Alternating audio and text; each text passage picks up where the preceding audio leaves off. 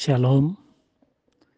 Saudara-saudara kita bertemu lagi dalam Renungan Harian Sore GKI Coyudan Selasa 27 April 2021. Mari saudara sebelum kita membaca dan merenungkan firman Tuhan, kita bersama berdoa. Ya Tuhan yang di surga, Terima kasih untuk penyertaan-Mu dari pagi sampai sore hari ini dalam semua aktivitas kami. Di sore hari ini Tuhan, kami hendak membaca dan merenungkan firman-Mu. Urapilah dengan kuasa rohmu yang kudus, agar kami mampu mengerti firman yang kami baca dan renungkan bersama. Sehingga firman-Mu itu menjadi berkat bagi kehidupan kami. Kami sambut firman-Mu di dalam nama Tuhan Yesus. Amin.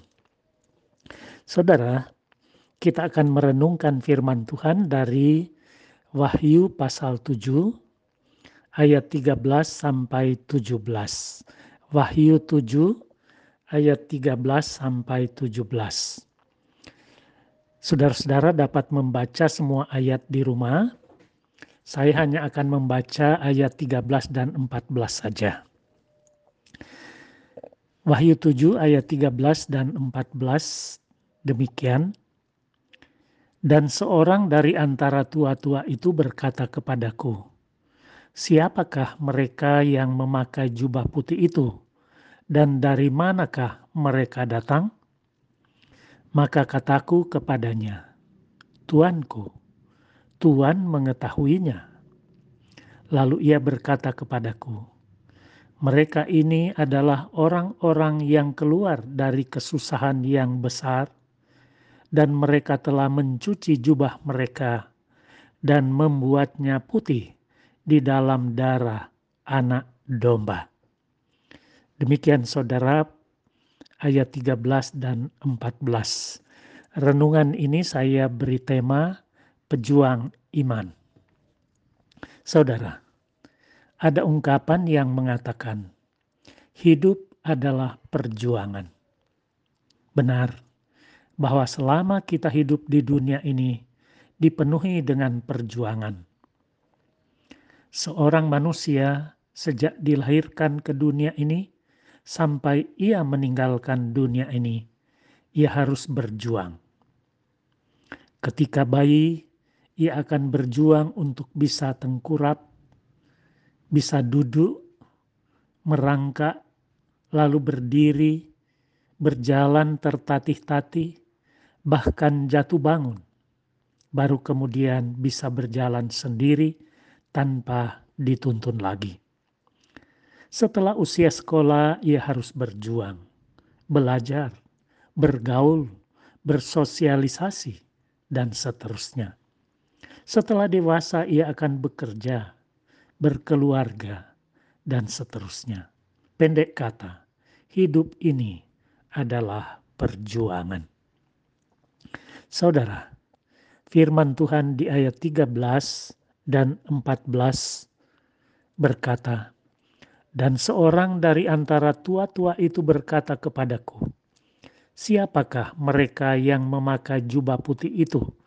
Dan dari manakah mereka datang? Maka kataku kepadanya, Tuanku, Tuhan mengetahuinya. Lalu ia berkata kepadaku, mereka ini adalah orang-orang yang keluar dari kesusahan yang besar, dan mereka telah mencuci jubah mereka dan membuatnya putih di dalam darah anak domba. Ada beberapa kalimat yang perlu kita renungkan saudara. Yang pertama, kerumunan besar orang memakai jubah putih. Saudara, jubah putih melambangkan kebersihan, kehidupan baru, dan kemenangan. Sebaliknya jubah atau kain yang kotor melambangkan kehidupan lama yang penuh kenajisan karena dosa. Nabi Yesaya pernah berkata, Demikianlah kami sekalian, seperti seorang najis, dan segala kesalehan kami seperti kain kotor. Yesaya 64 ayatnya yang keenam. Yang kedua, mereka ini adalah orang-orang yang keluar dari kesusahan yang besar. Saudara, mereka adalah orang-orang beriman yang telah berjuang dan menang melawan dosa. Berjuang mempertahankan iman di tengah tekanan, siksaan, godaan, dan berbagai macam kesulitan. Dan yang ketiga, mereka telah mencuci jubah mereka dan membuatnya putih di dalam darah anak domba. Saudara, yang dimaksud dengan darah di sini adalah darah Yesus Kristus. Darah Yesus Kristus menunjuk pada semua yang Kristus perbuat dan maksudkan bagi kita dalam kehidupan dan kematiannya. Saudara yang dikasihi Tuhan, adalah darah Kristus yang membersihkan kita dari semua dosa. 1 Yohanes 1 ayat 7 darah Kristus yang menciptakan pendamaian bagi kita. Roma 3 ayat 25. Dan lewat darahnya kita dibenarkan. Roma 5 ayat 9. Lewat darahnya kita mendapat penebusan. Efesus 1 ayat 7. Dan kita ditebus dengan darah Kristus yang mahal laksana anak domba tanpa cacat dan noda. 1 Petrus 1 ayat 19. Melalui darahnya kita berdamai dengan Allah. Kolose 1 ayat 20. Demikian saudara Alkitab mengungkapkan ungkapan-ungkapan tentang darah Kristus.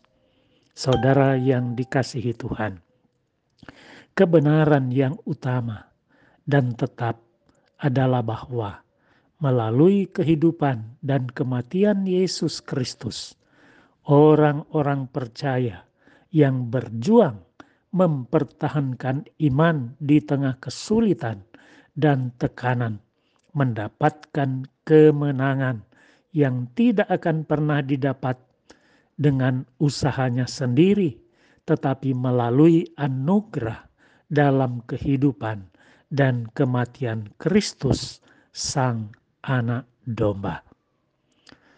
Sebagai orang percaya, mari kita terus berjuang, berjuang, dan berjuang mempertahankan iman percaya yang telah dianugerahkan oleh Tuhan kepada kita di tengah berbagai tekanan, pencobaan, dan kesulitan, sehingga pada akhirnya kita pun terhisap dengan orang-orang yang berjubah putih yang telah menang dalam perjuangan iman dan berdiri di hadapan tahta Allah dan melayani Dia. Hidup bersama Sang Gembala Agung yang menuntun ke mata air kehidupan. Mari jadi pejuang iman yang tangguh. Tuhan beserta. Amin. Mari kita berdoa. Ya Tuhan yang di surga, kami berterima kasih untuk firman-Mu yang mengingatkan kami bahwa selama kami di dunia ini, kami harus berjuang dan terlebih sebagai orang percaya, kami harus memperjuangkan iman kami di tengah-tengah tekanan, cobaan, kesulitan yang ada di hadapan kami. Kuatkan dan mampukan kami supaya kami pada akhirnya keluar sebagai pemenang. Terima kasih Tuhan, berkati kami yang boleh merenungkan firman Tuhan ini. Kiranya firman Tuhan ini menjadi berkat bagi kami sekalian. Di dalam nama Tuhan Yesus kami berdoa. Amin.